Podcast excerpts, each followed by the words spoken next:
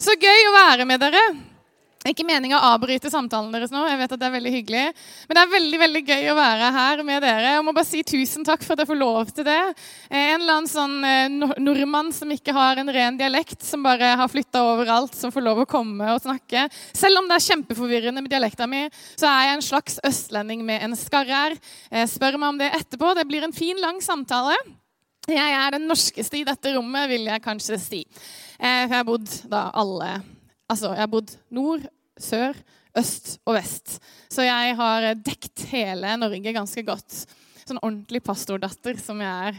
Eh, jeg har fått lov til å være med på Puls, som sagt. Og jeg har lyst til å si sånn, tusen takk til gjengen, fordi at Rikke har liksom verta meg opp, og gjengen her og bare liksom vært skikkelig hyggelig med meg. Jeg føler meg som hjemme. Og når jeg kommer inn døra her, så er det et eller annet som bare Så godt å være hjemme. Er ikke det rart? Jeg har, liksom ikke, jeg har aldri vært her før.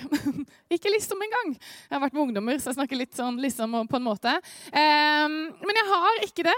Men det føles ut som jeg er hjemme. Fordi vi er familie. Det betyr bare at jeg kommer fra en annen kirke, et annet rom, og så får vi lov til å dele denne gudstjenesten sammen, og jeg har veldig forventning til det. Jeg har en eh, kompis som eh, har kjøpt seg en sportsklokke. Noen som er glad i sånne type ting. Eh, du må ha en skikkelig sånn bruksanvisning på de, så derfor gidder ikke jeg å kjøpe det. for da må jeg lese veldig mye. Jeg synes det er veldig kjedelig. Men den har sykt mange funksjoner.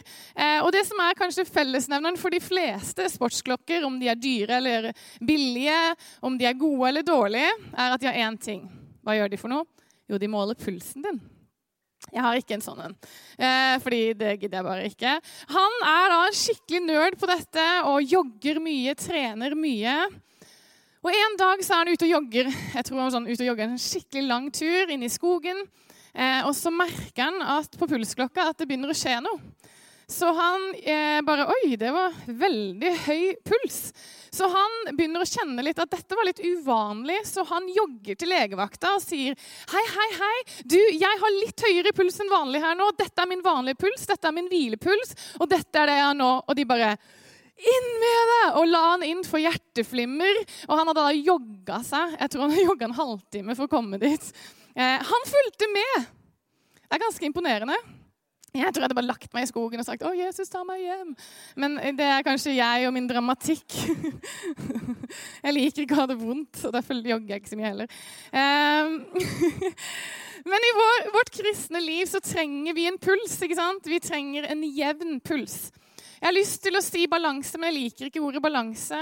Men vi trenger en høy puls noen ganger, og vi trenger en lav hvilepuls noen ganger. Og så trenger vi bare den den pulsen som vi har når vi eh, går steder og er steder. Jeg kan ikke så mye om dette her. Men greia er at vi trenger, vi trenger variasjonen i livet vårt. Vi trenger å kjenne på de ulike toppene, og at vi slapper av. Og vi trenger å kjenne at vi har en god puls i livet. Og pulsen den er forskjellig fra folk. sant? Min og din puls er kanskje ikke akkurat det samme, men det er helt greit. Men vi trenger denne pulsen. Og det jeg har lyst til å snakke om Det kan hende at dette bordet tar og sier litt om hva jeg skal snakke om. Eh, eller så kan du jo tenke at jeg hadde bare lyst til å ha litt sånn der interiørsamling i dag. For det, altså det her er veldig fint gjort. Jeg spør kan jeg få et bord på scenen. Ja! Tove, altså. Fy søren, det er så fint. Men dette bordet handler om nattverden. Og det er det jeg tror er en av de viktigste tingene vi har i vår puls det vi noen, noen ganger gjør. Jesus deler nattverd med disiplene sine den kvelden rett før han dør. Og dette har blitt en av de viktigste praksisene i vårt kristne liv. Jeg kan egentlig bare si velkommen til bords. Her er det dekt på her er det plasser. Her er det nå to stoler, men egentlig så er det kjempemange plasser her. Og det kan hende at du tenker det er ikke plass til meg rundt dette bordet, men det er det faktisk. For det står eh, usynlig bordkort her til deg. Det står navnet ditt på dette. Rundt bordet her så er det plass til alle i dette rommet her. For dette rom, eh, bordet ser lite ut, men det er faktisk ganske stort. Du vet sånn som du tenker at å, det så lite ut, og så kom du nærmere, og så skjønte du at det var mye større. Litt sånn er det. og det er sånn at Jeg vet ikke om du er vant til å sette deg til bords eh, med Jesus. Men det som skjer nå, om du kjenner Jesus eller ikke, så har jeg lyst til å utfordre deg til å tørre å sette deg til bords med Jesus. Om du kjenner han mye, om du kjenner han litt, om du ikke engang helt vet om du tror på han, så sier han har ikke du lyst til å komme og sette deg til bords med meg. Jeg har dekt på til deg. Jeg har mat til deg. Jeg har skaffa brød og litt godt å drikke. Jeg har pynta dette bordet. Jeg er så klar for å sitte her med deg en liten stund. Jeg har tenkt til å snakke til deg, jeg har tenkt til å møte deg. Jeg har dekt, jeg har dekt på til akkurat deg. Velkommen til bords. Og min utfordring er vil ikke du bare tørre å sette deg til bords, uansett hvor du er henne i din reise med Jesus, til bords med Jesus? Hva om du bare tar sjansen å la han få lov til å snakke til deg og minne deg på noe? Fordi at, vet du hva? Rundt det bordet her så passer du inn. Du er familie. Og så tenker du hm, jeg er den der som sitter rundt bordet, og så sitter jeg sånn her.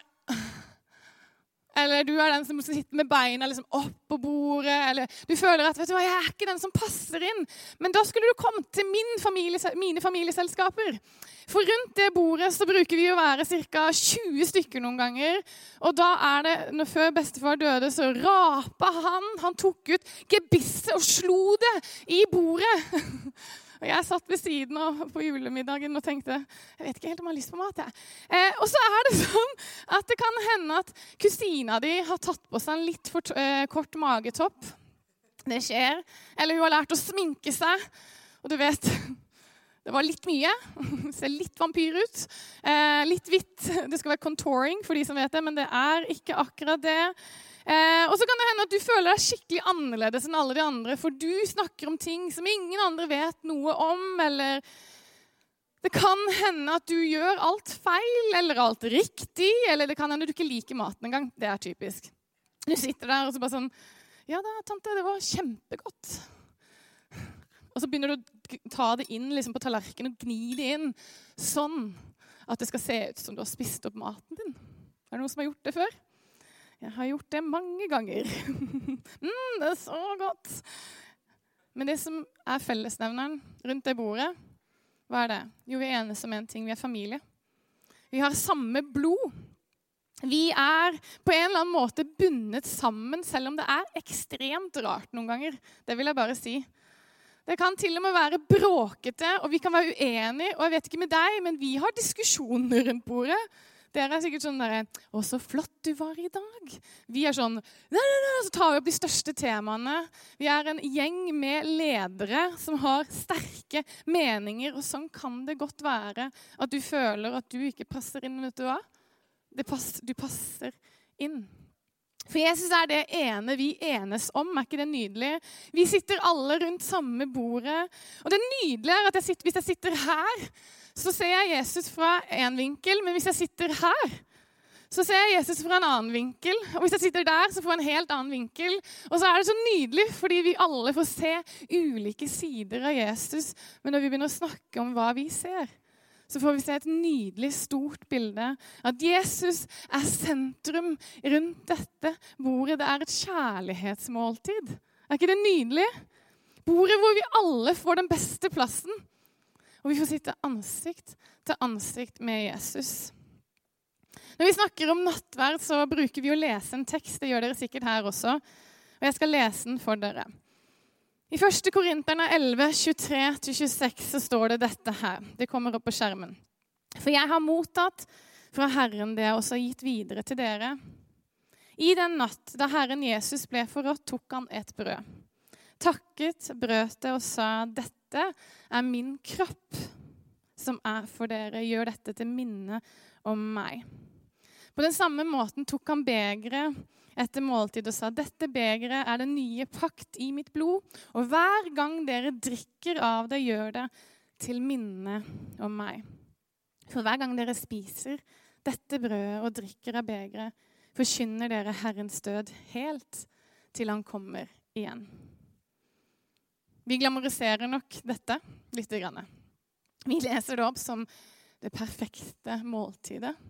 Hvor ingen hadde albuene på bordet. Alle hadde servietten her. Sant? Så du ikke søler olje på kjolen din eller buksen. Eh, og så tenker vi at det var sånn som vi tenker at sommerne var før. Det var alltid mye varmere før, bortsett fra i fjor sommer. Eh, vi tenker alltid at jula var mye hyggeligere før, men det stemmer nok egentlig ikke, for du har selektiv hukommelse. Eh, og på samme måte så overser vi kanskje noe i denne teksten som ligger litt før. Og det er vår evne til å lese akkurat det vi har lyst til å lese. Så der tok jeg deg på det. Det har jeg også gjort. Første Korinterne 11, 17-23. Hvor ofte leser du denne teksten når du skal innlede til nattverd? Paulus sier dette her. Hør godt etter. Når jeg, er, jeg her gir dere mine påbud, er det én ting jeg ikke kan rose dere for. Dere samles på en måte som ikke er til nytte, men til skade. Det bruker vi aldri å ta med. Eh, for det første jeg første hører at det er splittelse blant dere når dere kommer sammen eh, som menighet. Det er liksom ikke så hyggelig. Jeg tror, og jeg tror det kan være noe i det. For det må vel være oppsplitninger i grupper blant dere, så dere kan bli, det, sånn, kan bli klart hvem som holder mål. Paulus er litt sarkastisk her.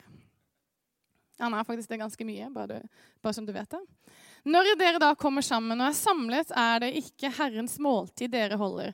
For når dere spiser, holder hver og en av dere måltid for seg selv. Den ene er sulten, og den andre drikker seg full. Har dere ikke hus så dere kan spise og drikke hjemme, eller forakter dere Guds menighet og lar dem som ikke har noe, sitte med skam? Hva skal jeg si til dette? Skal jeg rose dere? Nei, slikt kan jeg ikke gi ros. For jeg har mottatt fra Herren det jeg også har gitt videre til dere. Og så kommer den teksten som vi syns er så nydelig. Kontekst heter dette. Paulus slakter gjengen som har nattverd. Kirka var ikke så mye bedre før. Noen gjør show-off og bare 'Jeg skal sitte her, for det er den fineste plassen.' Det har blitt grupperinger. De beste gjengene sitter her. ikke sant? Den kule gruppen sitter der. De dårlige de får de dårligste sidene. De får, den, de får smulene. De fattige får egentlig ikke lov til å komme. Og så sier han, 'La meg vise dere hvem Jesus er'. Dette bordet representerer den store inkluderingen. Bordet var ment til at alle skulle få den beste plassen. Alle skulle sitte likt. Vi får lov til å ta del i et kjærlighetsmåltid. Og det de gjorde, var langt ifra et kjærlighetsmåltid. Får litt sånn godfølelse nå, det tenker du ikke det? Du har ikke vært så ille i dag, har du det? Liksom, oh, de var verre før. Sånn syns jeg i hvert fall at det er godt noen ganger å lese. Bordet hjelper oss å komme tilbake til kjernen Jesus. Og ved Jesus bord så får du som sagt den beste plassen. Fordi i mange bilder så portretteres det er et vanskelig ord. Jesus i midten. Sant? Han sitter sentralt, sånn at alle skulle få lov til å sitte rundt. Og kanskje var det bare sånn at alle skulle se Jesus. Men jeg mistenker at det er noe annet. For hvis du var en med makt, så satte du deg på enden av bordet. Hva er det Jesus egentlig gjør når han setter seg på midten. Alle skal ha likt utgangspunkt. Jeg ser for meg at dette var som et stort, rundt bord. Bare se for deg at det er et rundt bord. Et stort, rundt bord som var veldig lite likevel. Det er på en måte en sånn illusjon. Hvor alle fikk den beste plassen. For du skjønner det. Runde bord har en effekt. Nå skal jeg gi deg litt detaljer her. Du har sikkert hørt det før. Men kaffekjeden Starbucks har gjort psykologiske studier på runde bord. Det er sånn at runde bord får deg til å føle deg mindre ensom. Det finnes ingen tomme plasser rundt et bord, et rundt bord. Og runde møbler har en evne til å gjøre at du føler deg sett. Fordi du sitter der, og samtalen har faktisk en evne til å starte mye bedre rundt et rundt bord. Og ifølge en eh, eh, britisk psykiater så, så han at pasienter som satt ansikt til ansikt og så hverandre i øynene, var mer sosiale og delte mer. Og ifølge en som heter Bruce Feiler, det er veldig viktig for deg å vite, så er det en nøkkel å sitte i en O-form og ikke i en V eller L. Okay? Det kan jeg bare skrive ned til julemåltidet. Dette var skikkelig viktig for at folk skulle bli sett. Og sånn ser jeg for meg denne siste kvelden.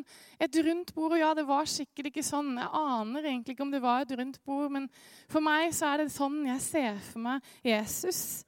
Dette påskemåltidet, nattverden, dette siste måltidet før Jesus dør og står opp igjen for vår synd. Så mye som Jesus snakker om mat, har du lagt merke til det? Så kan man tenke at han er alltid sulten. Det kan godt hende han er det, altså, for han gikk veldig mye. Og da får du liksom opp den der Ja, du blir veldig sulten av det. Og det er ikke bare av praktiske grunner Jesus spiste med disiplene sine denne kvelden her, eller til vanlig heller. Det var ikke sånn at han ville bare sørge for at de må bare få litt mat. Men det var et glimt av himmel. Og mer enn det det var en politisk statement. Det var som om, var som om Jesus skulle si et eller annet. For du ville aldri spise med noen som var av en annen rang eller sosial status. For det kunne på det beste ødelegge ryktet ditt. Når vi snakker om bofellesskap, så tenker vi sånn en halvtime, kanskje tre kvarter. Nei, nei, nei. Vi snakker timevis. Og det er kjedelig hvis du sitter med feil person, altså. Det var det her man gjorde i en familie. Man satt sammen som en enhet i timevis. Så når Jesus setter seg til bords den siste kvelden, hva gjør han? Du satt ikke bare med hvem som helst.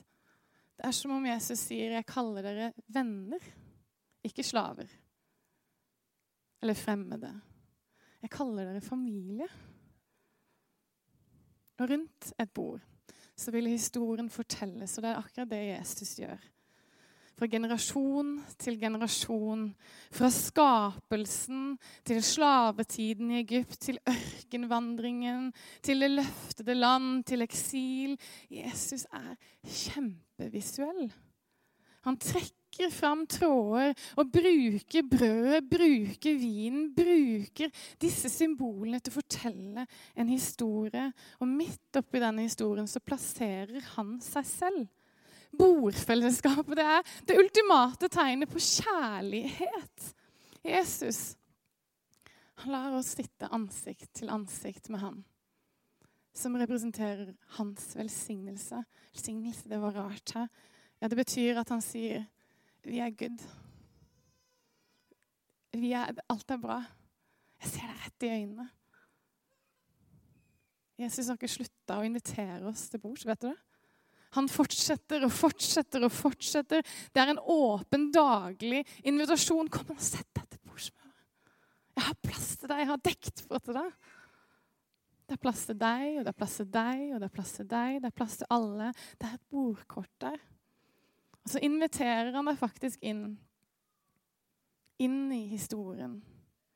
Og så peker han framover mot en dag når vi skal få lov til å sitte igjen ansikt til ansikt sånn fysisk. Brødet Jeg elsker brød. Sånn Altså sånn helt vilt. Jeg elsker brød. Det er ingenting som lukten av brød. Er noen som er enig? Jeg håper ikke glutenallergikerne har lyst til å gå nå. Men altså, det er, det er så nydelig med brød. Jeg, altså, noen ganger bare få brød og olje og salt og sitte og dyppe. Jeg var med Celine Gulbrandsen i, i, i, i, Argentina. Og vi endte opp med å bare spise masse brød og olje. Spurte om vi kunne få olje uansett hvor vi var. Og, sånn, og så ender jeg opp med å bli så mett at jeg ender opp med å ikke kjøpe noe mat. Og det blir jo litt flaut, ikke sant? for da har jeg fått gratis brød og olje og litt salt, så er jeg kjempefornøyd. Men dette brødet er faktisk annerledes. Det er ikke det brødet som Det er måte, det er ikke bare et vanlig brød. Det er et vanlig brød, men det forteller en lang historie. Guds historie. Helt fra begynnelsen til det siste måltidet hvor Jesus sier at dette er min kropp som er gitt for dere. Og hver gang dere spiser av dette, gjør dette til minne om meg. Brødet symboliserer at hans kropp ble brutt for deg. Det betyr at han ga seg selv for deg. Og Det var som om det var det endelige tegnet på at alle skulle få samme mulighet til å sitte til bords og gå inn i det aller helligste. Det var ikke lenger bare tolv skuebrød for deg som er litt nerd, sånn som meg, som lå helt inn i det aller helligste, som bare lå der en uke, som er ganske ekkelt, som prestene da kunne spise etter en uke. Det var ikke sånn at det var bare for noen få. Men det var faktisk en invitasjon til den store inkluderingen. Det var sånn at Jesus sier nå skal dere få lov til å spise dette. Tiden for skuebrød er over. For en rar setning! For en rar setning! Tiden for skuebrød er over. Tiden for la meg forklare det litt enklere, enklere, tiden for at bare noen få skal kunne gå inn i det aller helligste, inn i Guds nærhet, er over. Tiden for at bare noen få utvalgte skulle få være ansikt til ansikt med Gud, skulle være, var over. Det var et kjempesymbol på at Jesus gjør noe radikalt. Nå så skal brødet bli brutt for alle. Det er det Jesus sier. Nå skal brødet bli brutt for alle. Og dette bordet skal vokse og bli større og større. Nå er det på tide at vi får alle ileggsplatene og klaffene. De skal på. Alle skal inkluderes inn i dette. Dette er for alle. Nå skal du få den fineste, beste plassen. Den plassen rundt det runde, store, evige bordet som det er plass til deg. Det er plass til deg. Og er det ikke interessant at når han går tilbake litt før det siste måltidet og leser om brødundrene i Matteus 15 og Markus 14 Husker dere at det var tolv kurver igjen? Husker, det er sånn barneskolegreie, så du kan bare nikke litt. Eh, jeg tror til og med man lærte det på barneskolen før i tida. Eh, så er det sånn at Jesus gjør et under, og så er det tolv kurver igjen. Og Det interessante her er at noen sier det at de tolv kurvene representerer egentlig lunsjboksene til apostlene, eller disiplene. Det er som om Jesus sier det er nok mer enn nok for dere akkurat nå. Men når det neste brødunderet skjedde, så er det syv kurver igjen. Litt nerding her. Blir dere med meg? Går det bra? Syv kurver. Jødene tolv kurver. Det er nok for dere. Syv kurver igjen. Det er brødunder igjen. Men det var mest hedninger, altså de som ikke trodde. De som ikke var såkalt gode nok. Og disse kurvene var mye større enn disse lunsjboksene til de tolv. Jeg lurer på om Jesus prøver å si noe her. Kanskje var det en tid for at dette skulle mettes bare de som var innafor, var over. Men at nå var det på tide at det skulle være mer enn nok for alle som ville. Det var plass. Det var mer enn nok brød. Det var sånn at du, du, du kunne aldri stoppe. Jeg tror Jesus prøver å vise noe til de som er rundt seg. Nå er det på tide. Nå skjer det noe. Er ikke det nydelig? Jeg elsker at Jesus er så utrolig kul. Og disiplene står der og er forfjamsa, og de bare Hva er det som skjer? For selv om de hadde hørt det, så virker det som de ikke skjønte det helt. Jesus sier livets brød er ikke lenger bare for jødene. Det er for alle. Han peker framover, at alle skal få komme til bords. Skjønner dere fortsatt ikke dette? Skjønner dere det ikke nå? Guds rike er her, men ikke ennå. Jeg inviterer dere til bords, til fellesskap. Innbydelsen har alle sine navn på. Hele verden. Jesus gir seg selv for oss, og dette er det brødet representeres. Når Jesus dør på et kors, så blir brødet brutt. Og Det gir oss styrke hver dag. Det er det som vi baserer vår nåde på. Fordi det handler om hva han har gjort, og ikke hva vi har gjort. Han har mer enn nok for oss. Han har nåde hver eneste dag. Ny mann. Altså, Jesus trekker så mange tråder han tilbyr oss vennskap, familie. Han inviterer oss inn. Han sier, 'Kom og sett deg til bords med meg. Jeg har mer enn nok til deg. Jeg har noe frist. Jeg, jeg vil ikke at du skal spise gårsdagens brød. Jeg vil at du skal spise denne. Altså nytt, ferskt brød. Jeg har ikke noe som jeg hadde i går, som jeg gir deg i dag. Nei. Jesus gir deg noe nytt i dag. Og Det tror jeg Jesus har lyst til å gjøre i dag også, her, akkurat nå. Hvis du har levd på det at du kjente Jesus en eller annen gang, at du snakka med Jesus en eller annen gang, så tror jeg Jesus er ikke fornøyd der. Og det tror jeg egentlig ikke du er heller. Han har lyst til å møte deg akkurat her og nå. Det tredje og siste punktet er blodet. Ved nattverden så inngår Jesus en blodspakt med oss, og det er store ord. og jeg er klar over det. Han sier at eh, med dette måltidet at han skal ta på seg all synd og sykdom og skam og være det offerlammet som jødene måtte gi for å betale prisen for sin egen synd. En gang for alle. Det vil si, han tok det alt, alt, så vi slipper å slakte offerlam. Og det syns jeg er helt fantastisk. Jesus kom og malte blodet over våre dørkarmer, så døden kunne gå forbi en gang for alle. Ikke bare for én gang, men en gang for alle. Han har kommet og så sagt hvis du tar imot, så maler han blodet over deg. Og så sier han du skal få leve. Uansett hva du gjør, så kan du vite at du er beskytta av blodets beskyttelse. Det høres kjemperart ut, men det er helt fantastisk nydelig. Det er noe rart med de tingene her, men det er så nydelig å vite at det blodet som rant, det beskytter oss. Det er helt nydelig. Blodet representerer nytt liv tilgivelse, ny start, frihet. Det er det eneste blodet som virkelig renser deg. Så når du begynner å ta på deg skammen din igjen, så ikke gjør det, for Jesus døde for det. Omvend deg. Men ikke ta på deg skammen. Ikke vær arrogant nok til at du tenker at 'jeg skal ta på den skammen'. Nei, ikke gjør det. Blodet har rensa deg. Kom til Jesus. Sett deg ved bordet hver eneste morgen og si 'Hei, Jesus, hva har du for meg i dag?' Og det nydeligste er Jesus gjør noe som er sjokkerende ved det siste måltidet. Han løfter det fjerde og siste begeret som skulle minne oss om håpet om redningen. Dette begeret Nå kommer det litt nerd her igjen. Representerte noe helt spesielt. Og når jeg leste dette, så sjokkerte det meg. For dette begeret har stått urørt i all tid siden påskemåltidet ble, ble, feiret for første gang. Som skulle minne om den dagen Messias skulle komme og redde oss en gang for alle. Og vet du hva Jesus gjør? Ingen rørte dette. Det sto der urørt for å minne om at en dag skulle alt bli bra. Vi skulle få komme inn i det lovede landet, altså inn i velsignelsen, eller egentlig bare kunne stå ansikt til ansikt med Jesus igjen. Og Så tar Jesus det opp, og så løfter han det, og så sier han egentlig det er jeg som er Messias. Dette blodet er den nye pakt.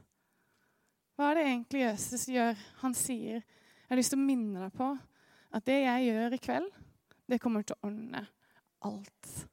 Så når vi deler nattverd, så er ikke det bare en liten greie. Det er noe at vi kan få lov til å leve dette. Vi kan minnes om det Jesus gjør, at han takker.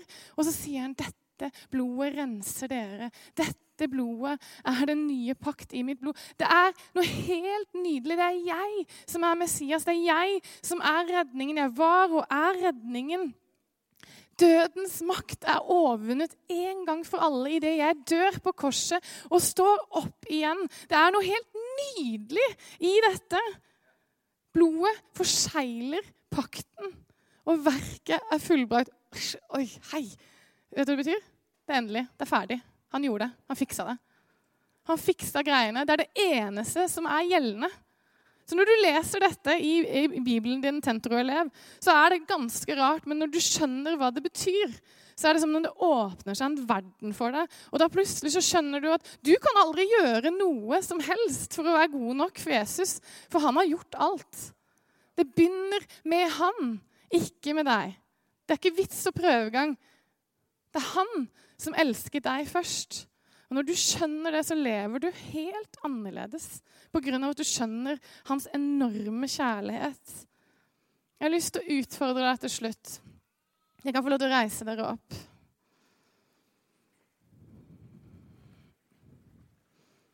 Nattverden, bordet, er ikke noe du skal bare gjøre her en gang iblant. Del nattverd med familien din. Del nattverd når du er hjemme. Noen deler til og med nattverd alene, for Jesus er jo der. Og så er liksom Jesus, Den hellige ånden og Gud. sant? Da har du fire stykker der. Det er kjempebra. Du er et fellesskap. Du kan få lov til å sitte der og dele og minne deg selv på å leve det på nytt igjen og si at jeg tar imot styrke, kraft, tilgivelse, ny start.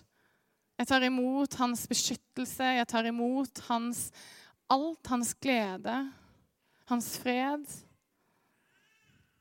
Og Noen ganger så kan vi miste fokuset på hva dette er. og Jeg tror vi må finne den pulsen igjen, den, den pulsen i livet vårt.